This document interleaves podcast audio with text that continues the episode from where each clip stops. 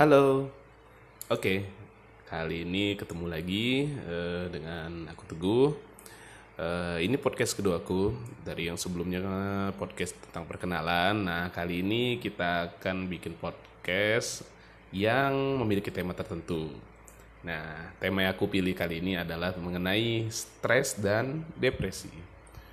Ya, mungkin eh, teman-teman udah sering lah ya kalau kalau cuma sekedar eh, mengetahui apa itu stres dan depresi tapi nggak ada salahnya nih kalau kita coba bahas lagi nih ngobrol-ngobrol lagi terkait dengan stres dan depresi. Nah yang pasti teman-teman harus paham dulu nih depresi itu apa sih? Nah kalau yang selama ini kan kita pahami ada stres ada depresi. Cuman kebanyakan dari kita tuh suka nyama-nyamain. Jadi kalau orang stres berarti orang itu depresi. Orang itu depresi ah paling cuma stres Padahal stres dan depresi itu adalah dua hal yang sebenarnya berbeda. Orang bisa aja kelihatan stres, padahal dia sebenarnya depresi. Atau orang sebenarnya depresi, tapi dia kelihatan seperti orang yang hanya stres. Nah, sekarang apa sih sebenarnya beda yang membedakan antara stres dan depresi? Nah, sebenarnya stres itu adalah hal yang normal. Setiap orang pasti pernah stres. Nggak mungkin enggak kecuali kalau hidupnya lancar-lancar aja ya. Tapi eh, kita anggaplah bahwa stres itu adalah sesuatu yang normal. Karena pasti bagian dari kita itu pasti udah pernah itu ngerasain yang namanya tertekan dalam situasi yang menuntut kita tuh untuk eh, apa ya berpik bukan berpikir ya maksudnya tuh kita tertek, jadi tertekan gitu situasinya gitu. Akhirnya kita jadi panik. Nah itu salah satu bentuk stres Stres itu bisa juga karena tumpukan pekerjaan.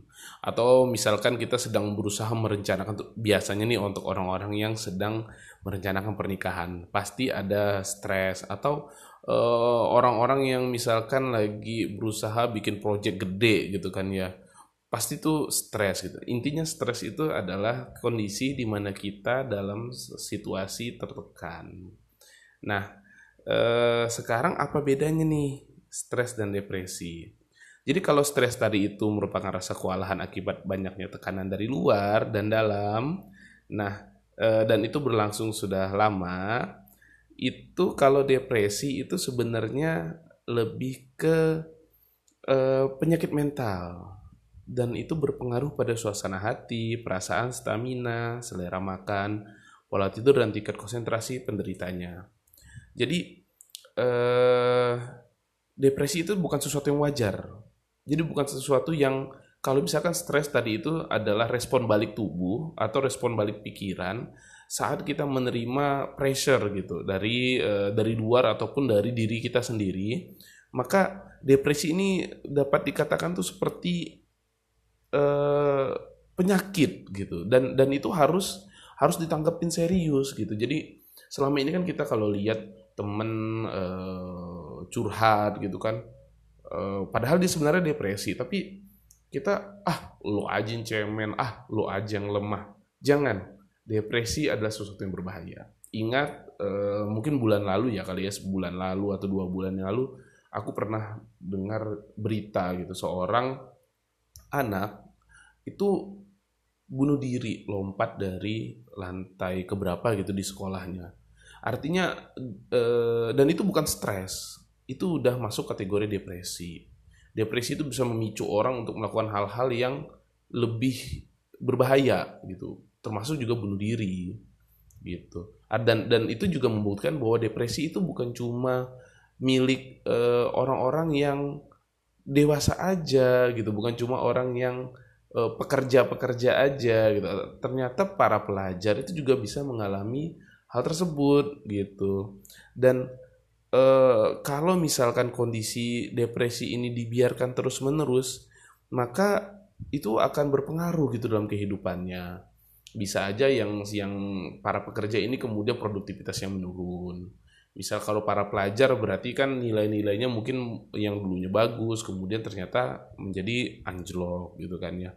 Nah, apalagi kalau misalkan dan depresi ini bisa menurun jadi kalau ada riwayat dari keluarganya depresi, biasanya nanti bukan biasanya ada kemungkinan besar, ada kecenderungan bahwa si uh, orang ini itu ada kemungkinan rentan terhadap penyakit depresi. Nah, sekarang kita harus bedain dulu nih. Kira-kira kita kita mau lihat dari tampilan luar orang stres sama orang depresi itu gimana sih? Ini yang harus teman-teman ingat ya. Kalau orang depresi itu salah satu gejalanya adalah sulit tidur.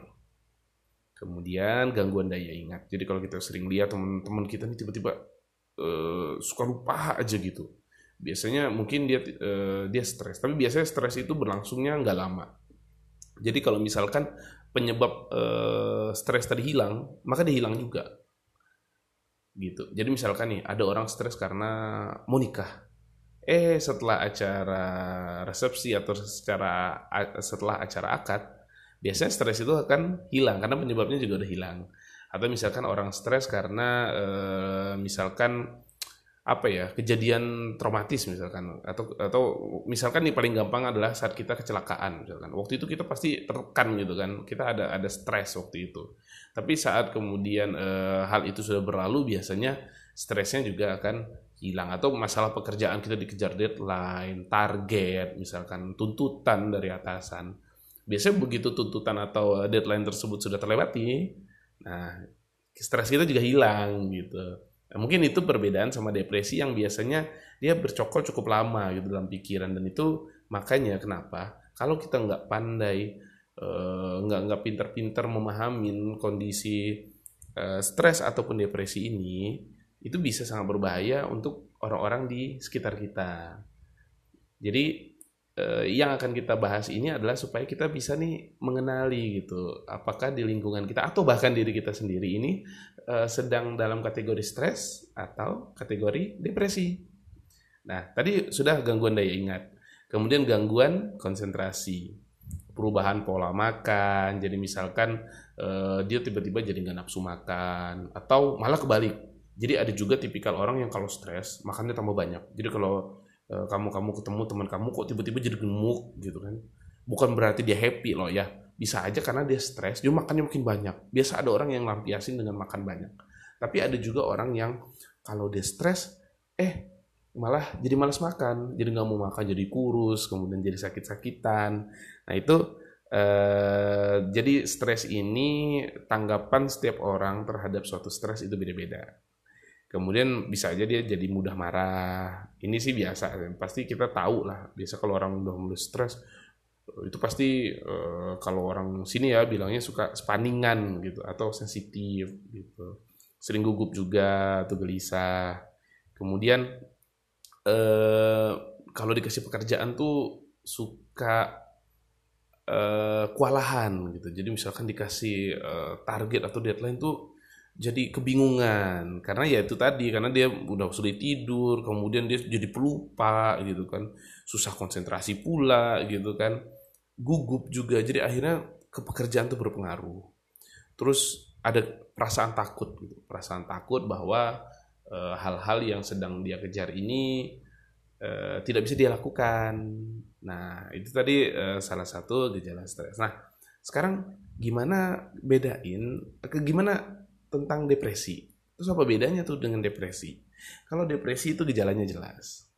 Sebenarnya bisa kita lihat, dia lebih ke sosial. Jadi kalau tadi misalkan efek stres itu lebih ke tubuh ya, ke sosial juga ada tapi eh, lebih banyak ke tubuh. Nah kalau misalkan eh, depresi itu dia cakupannya lebih dalam. Jadi salah satu contohnya nih menarik diri dari lingkungan sosial dan keluarga.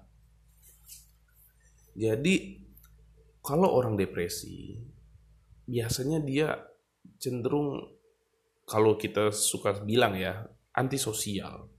Dia ngerasa uh, di dalam dirinya itu uh, sosi apa nggak bisa gitu untuk berbaur lagi dengan lingkungannya. Entah itu keluarga teman ataupun lingkungan tempat tinggalnya. Jadi ya kalau orang bilang antisosial ya mungkin boleh lah kita harus uh, ajak ngobrol gitu. Barangkali takutnya ini orang ternyata bukan antisosial tapi memang dia ada kecenderungan untuk depresi. Kemudian merasa sedih seolah bahwa hidup tuh udah nggak ada harapan lagi. Kemudian semangatnya juga hilang motivasi energi dan stamina udah nggak ada lagi. Jadi yang biasanya kita lihat dia cengang eh, ketawa ketiwi semangat. Eh sekarang kok dia jadi lemas lesu gitu nggak ada gairah lagi. Bahkan uh, untuk bekerja pun jadi asal-asalan. Jadi memang wajar sih ya kalau uh, orang itu suka susah bedain antara stres dan depresi.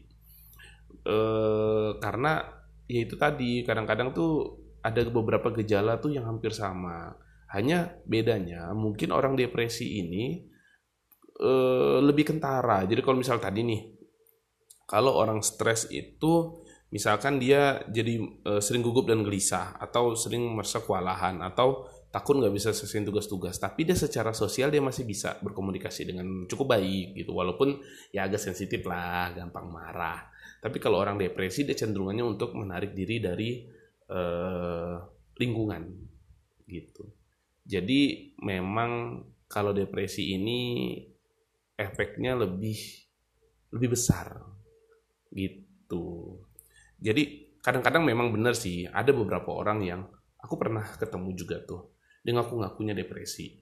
Padahal sebenarnya kalau kita merujuk pada gejala-gejalanya depresi itu sebenarnya masih ya sebenarnya itu masih kategori stres. Tapi walaupun aku nggak bisa kasih nggak bisa nggak bisa pastiin ya dia harus uh, psikolog atau psikiaternya sendiri yang harus mastiin gitu kan mungkin ada uh, wawancara atau uh, mereka menilai lah itu emang sebenarnya masuknya kategori stres kah atau dia memang uh, depresi. Kemudian uh, mirip seperti stres juga, makannya jadi lebih sedikit gitu kan ya. Tapi uh, mungkin kalau orang depresi ini bahkan sampai nggak mau makan gitu. Kemudian jadi susah ngambil keputusan juga. Kemudian e, berpikiran negatif terus menerus. Jadi bawaannya negatif aja terus. Bawaannya ah udahlah nggak mungkin. Ah udah nggak mungkin gitu. Nah kemudian eh, sama juga seperti orang stres mudah kecewa marah dan tersinggung. Sulit menjalani kegiatan sehari-hari. Eh, sama juga yang sebelumnya punya minat atau pokok kehilangan minat gitu dalam kehidupan. Jadi bisa teman-temannya ayo kita ngumpul ke sini yuk. Eh tiba-tiba dia enggak ah aku pulang aja. Nah itu mungkin eh, kita udah boleh aware tuh. Apakah itu udah masuknya di kategori stres atau jangan-jangan dia itu udah masuk kategori depresi? Terus eh, apa namanya berbahaya nggak sih depresi itu? Depresi itu bahaya sekali loh kita udah sering melihat ya bahwa eh, depresi itu bisa bikin orang melakukan hal-hal yang eh, berbahaya entah itu berbahaya bagi diri sendiri ataupun berbahaya bagi uh, orang lain. Ya kalau berbahaya bagi diri sendiri kita udah tahu ya. Kita bisa lihat ada beberapa kasus-kasus bunuh diri itu karena depresi. Walaupun kadang-kadang lucu juga sih kalau di berita dibilangnya penyebabnya karena stres. Padahal sebenarnya uh, orang kalau sampai bunuh diri biasanya atau kemungkinan besar itu karena dia udah masuk ke Eh, depresi gitu karena persoalan hidup ataupun yang lainnya. Nah, kalau misalkan jadi kalau uh, penanganan juga beda nih.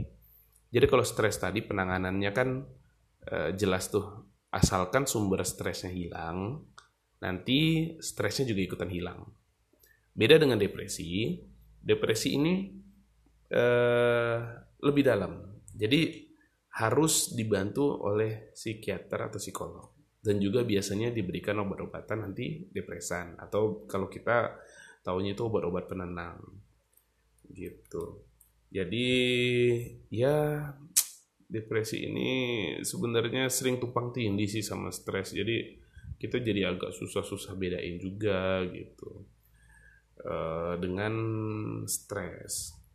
Nah cara menanganinya gimana sih? Kalau misalkan kita uh, diri sendiri atau misalkan ada kita punya keluarga yang kalau kita lihat tuh kayaknya uh, ini orang nih kayaknya stres nih eh ini orang nih kayaknya depresi nih gitu. Kita harus ngapain sih gitu? Apakah cuma diamin aja?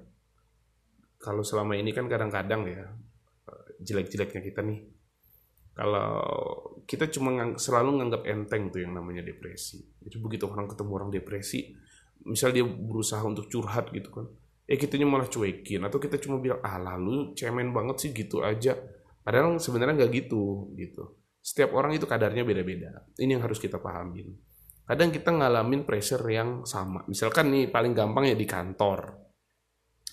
Kita ngerasa nih eh, teman kita di kantor nih, Allah kok tuh orang kelihatan lebay banget sih, baru dimarah sedikit udah eh, ngedon gitu kan.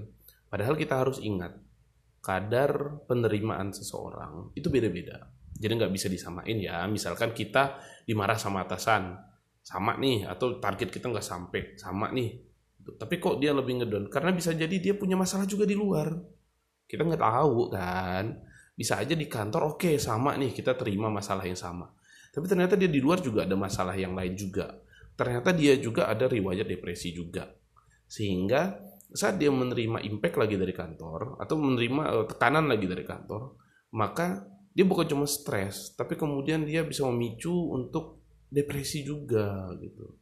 Nah itu yang harus uh, kita pahamin. Kita saling memahamin lah ya antara kita dengan teman-teman kita uh, bahwa kalau misalkan ada teman kita yang ternyata tanggapannya terhadap tekanan pekerjaan atau tekanan dari atasan berbeda, itu bukan karena dia lemah, tapi memang karena uh, psikis setiap orang itu beda-beda. Nah, yang kita lakukan harus apa? Ya kita pahamin gitu kan, beri dukungan gitu, saling memberi dukungan. Karena jangan sampai eh, hal-hal uh, seperti ini nih kemudian jadi penyesalan gitu. Karena kita terlalu menganggap uh, stres dan depresi ini sesuatu yang ah sudahlah nanti ntar juga hilang sendiri. Nggak semua orang bisa seperti itu, bro. Kadang-kadang ada juga orang yang ternyata dipendam, dipendam, dipendam. Ternyata dia malah melakukan eh, hal-hal uh, yang sebaik yang bisa menyakiti dirinya sendiri ataupun orang lain. Tapi walaupun kadang-kadang ada juga nih yang sebenarnya itu cuma stres aja. Jadi artinya dia itu hanya mengalami kejadian saat itu aja. Jadi misalkan saat itu lagi dimarah, udah ngeblank gitu kan ya, atau stres gitu kan ya. Tapi saat kemudian uh, pemicunya dihilangin, ya hilang juga gitu. Beda dengan orang depresi yang walaupun berusaha untuk uh, pemicunya dihilangkan, misalkan dia udah nggak kena marah lagi nih, target udah tercapai diajak liburan artinya kan sebenarnya itu tuh e, pemicu stresnya udah nggak ada tuh ah cuman kalau orang depresi dia bakal tetap tuh ngerasa nggak happy walaupun target sudah tercapai walaupun dia udah nggak dimarah lagi sama atasannya walaupun dia lagi diajak liburan dan senang-senang dia pasti tetap ngerasa nggak happy itu perbedaannya jadi kalau misalkan kita melihat teman kita sudah mulai rada-rada seperti itu cepat deketin cepat bantu dia. Nah, sekarang apa bahayanya nih kalau kita biar-biarin aja gitu. Macam-macam loh sebenarnya. Kalau tadi kan kita tahunya dia bisa bertindak melampaui batas, entah itu menyakiti orang atau menyakiti diri sendiri. Nah, sekarang efeknya sama kesehatan apa? Jadi ternyata orang yang depresi dan dibiarkan terus-menerus tanpa penanganan yang baik, kalau lihat penelitian yang ini kebetulan aku lagi baca juga penelitiannya ada beberapa itu 58% lebih banyak terserang obesitas. Jadi eh, orang depresi itu bisa aja dia seperti orang stres tadi ya. Bisa aja dia jadi males makan atau dia malah jadi makan itu jadi pelampiasan. Begitu ditambah juga dia kurang tidur. Jadi salah satu penyebab diabetes itu kan juga pola istirahat yang tidak teratur atau kurang kurang tidur juga makan jadi banjir banyak karena karena stres tadi eh karena depresi tadi jadi bawaannya pengen makan terus gitu kan ya dan juga makannya banyak tapi jadi mager gitu. Mager karena ya itu tadi kurang motivasi. Udah nggak ada semangat lagi gitu untuk untuk apa ya untuk beraktivitas gitu. Boro-boro mau olahraga. Sekedar bekerja aja itu sebenarnya udah males banget gitu kalau orang-orang yang udah terkena depresi. Dan dia lampiasinya dengan makan pula. Jadi eh, kemungkinan dia untuk terserang obesitas itu jadi makin besar. Bahkan jika tidak ditangani benar-benar bisa juga meningkatkan resiko Alzheimer. Dan tahu kan Alzheimer? Lupa eh, pikun. Jadi kurang-kurang lebihnya kita sebutnya pikun lah gitu. Dan juga uh, karena tadi pola makan dan uh, olahraganya kurang, maka ada ada kemungkinan juga uh, probabilitas dia untuk terkena stroke jadi makin besar. Dan itu bisa saja terjadi di usia muda. Jadi mungkin ya, mungkin ya kalau kita lihat kenapa sih kok sekarang orang usia muda penyakitnya kok aneh-aneh. Ada yang baru usia sekian-sekian, kepala tiga, eh ternyata udah kena diabetes. Kepala tiga udah terkena serangan jantung. Uh, usia 30, 40 yang yang kalau misalkan kita uh, lihat lah ya orang tua kita uh, mulai sakit-sakitan itu udah mulai 50 atau 60 tahun kok sekarang kayaknya 30-an tahun juga udah banyak tuh. Bahkan temanku yang dokter tuh sudah sering bilang sekarang ini sering anomali katanya. Jadi penyakit-penyakit yang dulu kita pikir itu sebenarnya penyakitnya orang tua. Nah kalau sekarang itu udah bukan lagi eh, apa namanya punya punya pemiliknya bukan cuma untuk orang-orang yang sudah renta-renta aja gitu. Tapi juga para kaum-kaum yang usianya baru 30-an dan bahkan uh, usia 20-an pun kalau misalkan tidak pandai mengelola stres dan kemudian bisa berubah menjadi depresi maka tidak menutup kemungkinan juga penyakit-penyakit yang dulu seperti Alzheimer ataupun sakit jantung, stroke dan obesitas ataupun diabetes itu bisa aja menyerang eh, dari usia-usia muda. Gitu. Nah sekarang eh, kita coba ngebahas dampak buruk stres pada kesehatan. Nah ini sebenarnya kalau tadi kan depresi itu bisa bikin meningkatkan apa ya eh, stroke, Alzheimer, penyakit jantung, obesitas ataupun diabetes. Nah, kalau stres, ini kan stres ini jangka pendek ya, kita anggap aja jangka pendek. Kalau stres ini bisa berpengaruh pada pencernaan. Nggak percaya? Mungkin kalau sebagian yang udah pernah ngerasa eh, dalam tekanan stres yang lu, lu, luar biasa besar, entah itu dia sedang ngerjain suatu project gede di perusahaannya ataupun sedang kejar target di akhir tahun ataupun ada yang mau nikah ataupun bikin acara suatu acara gede gitu kan ya. Biasa tuh pasti pernah ngerasain tuh tak itu kram sakit perut atau misalkan stres yang jangka panjang. Biasanya mohon maaf nih jadi agak susah BAB pasti itu kan teman-teman pasti pernah tuh kalau misalkan ngerasa seperti itu. Nah itu salah satu penyebabnya adalah karena stres. Nah kok bisa sih? Karena otak dan usus itu sebenarnya berkomunikasi satu sama lain. Uh, jadi sistem saraf yang ada di otak itu sebenarnya uh, berkomunikasi lah istilahnya ya dengan uh, sistem-sistem pencernaan. Jadi kalau misalkan kenapa salah satu penyebab sakit mah itu stres. Karena memang ya itu tadi kalau kita stres tubuh tuh melepaskan hormon-hormon. Nah salah satu hormon tersebut itu menyebabkan sistem pencernaan menjadi terganggu. Gitu. Entah itu dia mengeluarkan asam lambung jadi berlebih kemudian di bagian usus menjadi uh, tidak teratur gitu kan ya. Jadi akhirnya efeknya adalah kita sakit mah ataupun sakit perut ataupun tadi malah menjadi uh, sembelit nah juga ini buat cewek-cewek stres itu ternyata dapat menyebabkan kulit menjadi uh, sensitif dan apa ya susah untuk mengalami regenerasi. Jadi kalau kita misalkan ketemu teman yang bekerja ataupun mengalami situasi sulit dalam hidupnya, kadang-kadang tampangnya jadi uh, agak kurang bersinar ya kalau kita bilang ya. Kadang-kadang suka suka seperti ih kok lo jadi kelihatan tampak lebih tua sih. Sebenarnya bukan karena apa sih salah satu penyebabnya adalah juga stres. Stres itu bisa menyebabkan kulit sulit untuk melakukan regenerasi.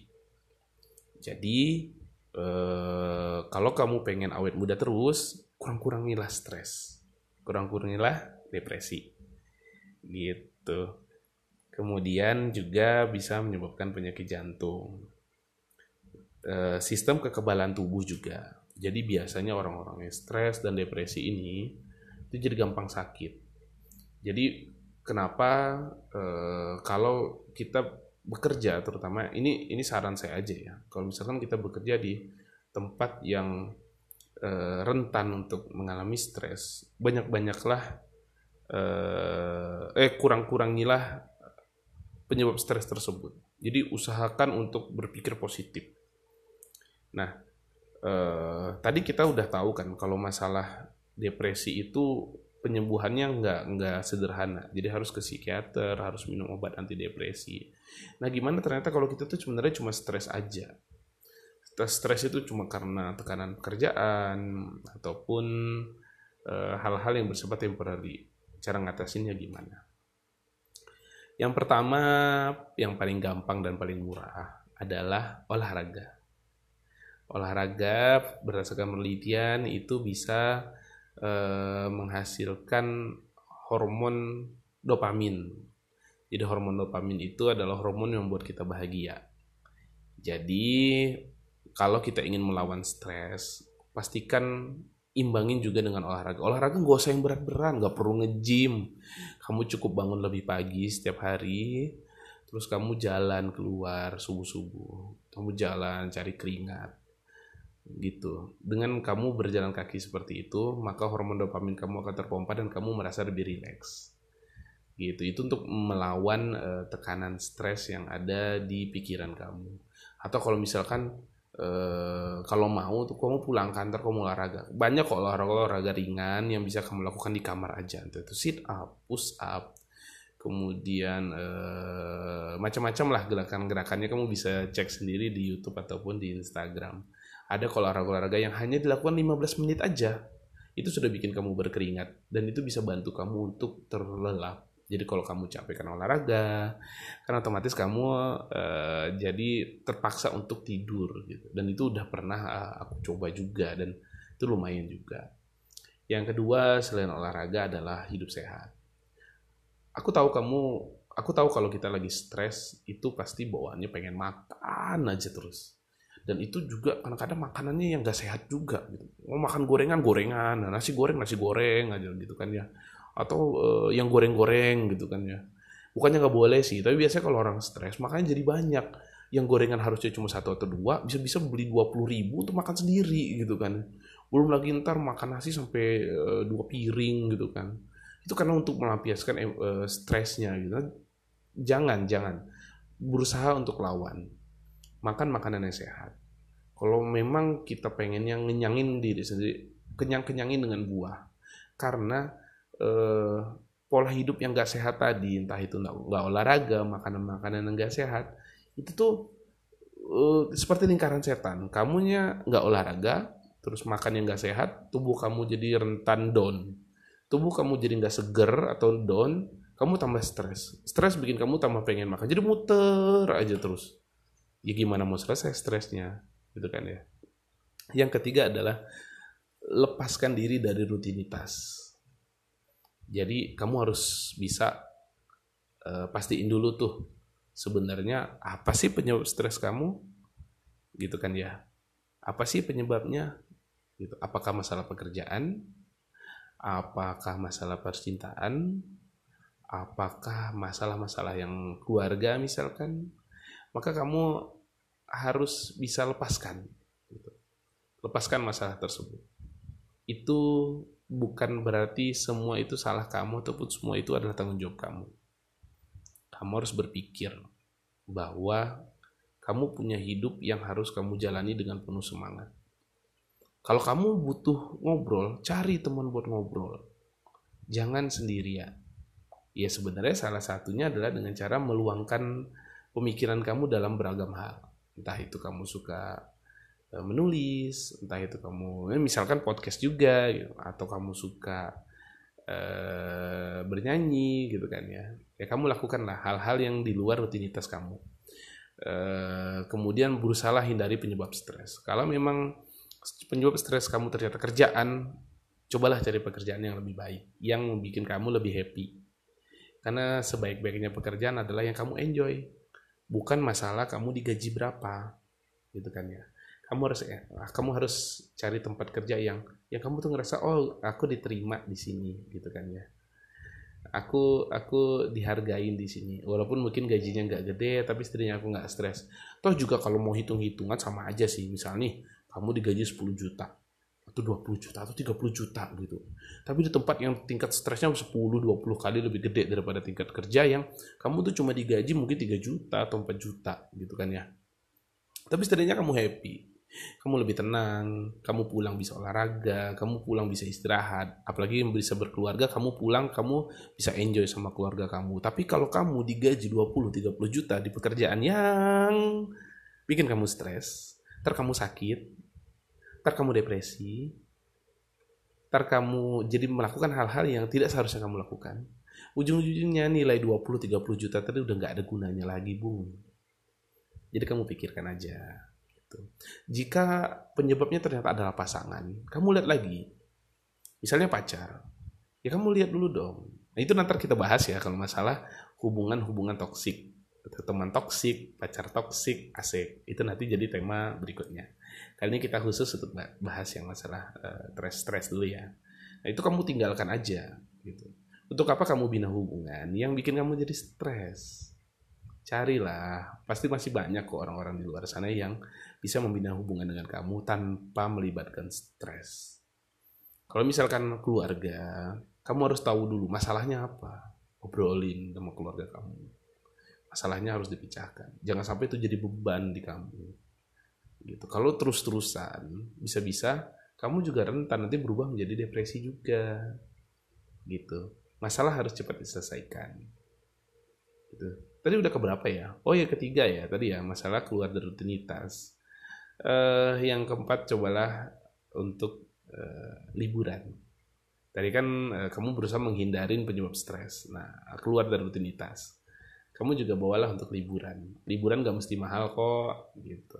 Kamu cukup keluar dari kota kamu aja yang deket-deket aja, gitu. Kadang kalau memang harus butuh sendiri, kadang-kadang sendiri itu juga menyenangkan kok. Kamu naik ke, ke gunung, atau kamu duduk di tepi pantai, menikmati waktu kamu sendiri.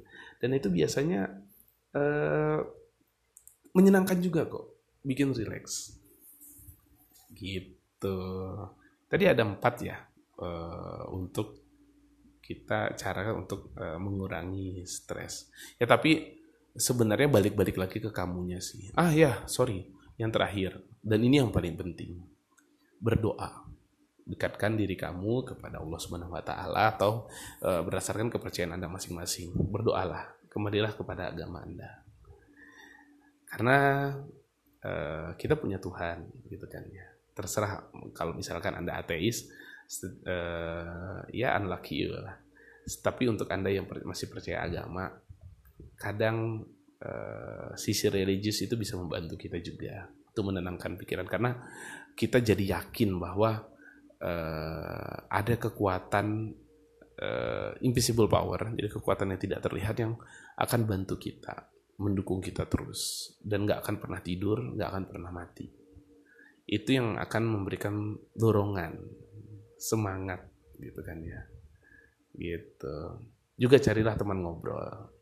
Carilah teman-teman ngobrol yang kira-kira bisa menyemangati kamu. Makanya tadi kalau misalkan ada uh, yang stresnya karena pasangan udah putusin aja cari pasangan yang memotivasi kamu. Karena kamu butuh pasangan yang harusnya bisa ngertiin kamu juga bukan terus-terusan minta dimengerti. Ntar kita bahas tuh khusus. Nanti ada temanya khusus untuk masalah relationship. Entah itu relationship di kantor temen nongkrong ataupun pacaran. Eh, nggak uh, terasa udah setengah jam ya ngobrolin masalah uh, stres dan depresi. Maaf ini podcast pertamaku jadi mungkin tadi alurnya masih agak kurang matang atau kurang jelas setidaknya itu yang ada dalam pikiranku karena memang jujur aja beberapa hari terakhir ini topik stres dan depresi itu lagi in. Karena memang uh, ada beberapa kejadian yang memang terjadi di uh, sekitar lingkunganku. Gitu kan. Jadi setelah aku pikir-pikir uh, dan juga aku beberapa baca beberapa artikel ya ternyata memang depresi dan stres itu nggak nggak bisa dipandang sebelah mata.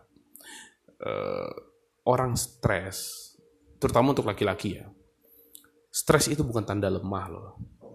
Jadi stres itu normal. Itu menunjukkan bahwa kita ini manusia. Bahwa setiap orang itu pasti mengalami tekanan dalam hidupnya. Dalam hal apa pun ya. Jadi kalau kamu merasa stres, ya itu wajar gitu.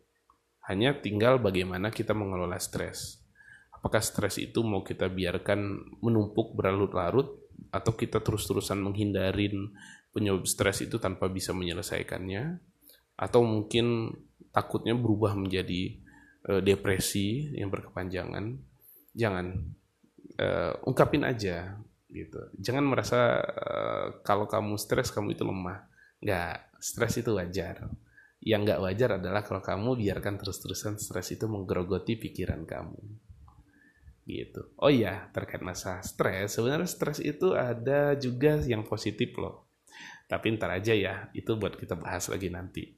Tenggorokan udah mulai kering karena ini podcast pertama jadi mungkin belum terbiasa juga sih buat ngobrol-ngobrol sendirian kayak gini. Oke mungkin itu saja ya nggak uh, tahu nih bakal didengar berapa orang tapi moga aja ntar ada yang denger ya. Ini juga sebenarnya buat nyalurin apa yang ada dalam pikiran aku. Moga kita semua terhindar ya dari yang namanya stres dan depresi ataupun kalaupun sekarang kita da sedang dalam keadaan stres ataupun depresi aku doain semoga kita semua segera menemukan solusi menemukan pecahan. Semoga kita bisa menghindar dari penyebab stres tersebut ataupun bagi teman-teman yang depresi moga segera dapat pertolongan sehingga teman-teman nggak menyusahkan orang lain, teman-teman juga nggak merugikan diri sendiri. Karena harus diakuin ya, dengan kehidupan yang serba modern kayak sekarang, stres itu udah kayak orang jualan kacang goreng, gampang banget, gampang. Kenapa? Sosial media gitu. Sekarang kita ini terlalu gampang untuk banding-bandingin diri kita sama orang lain. Tapi mungkin kita nanti akan bahas itu ya. Ini baru perkenalan aja apa itu de, apa itu stres, apa itu depresi, uh, gejala-gejalanya, pencegahannya seperti apa, efeknya terhadap kesehatan apa. Ntar kita akan bahas juga pandangan saya tentang bagaimana sosial media merubah hidup kita. Bagaimana sosial media itu membuat kita menjalani hidup nggak asik, nggak seasik yang sosial media tawarkan. Itu akan kita bahas lagi di podcast berikutnya. Aku cari aku cari itunya dulu ya, cari bahannya dulu ya. Baru nanti kita, uh, baru nanti aku akan uh, coba share. Uh, sebagian sudah ada dalam pikiran, tapi ntar itu khusus aja untuk kita bahas di podcast berikutnya. Itu aja, semoga berguna, semoga kita semua selalu happy, semoga kita semua selalu sehat, oh ya ini beberapa ini, ini barusan nih cuaca mendung nggak jadi hujan. Mendung nggak jadi hujan. Jadi cuacanya kayaknya agak kurang baik juga untuk kesehatan. Uh, sebaiknya banyak-banyak konsumsi vitamin buah juga. Kalau aku biasanya ngebiasain minum perasan lemon di pagi hari ataupun rebusan lemon di malam hari. Itu lumayan membantu kok untuk mencegah penyakit-penyakit yang uh, sederhana seperti flu ataupun sariawan. Jadi sih salah satu tipsnya ya moga aja kita semua sehat-sehat terus. Oke, terima kasih. See you on the next uh, podcast. Bye bye.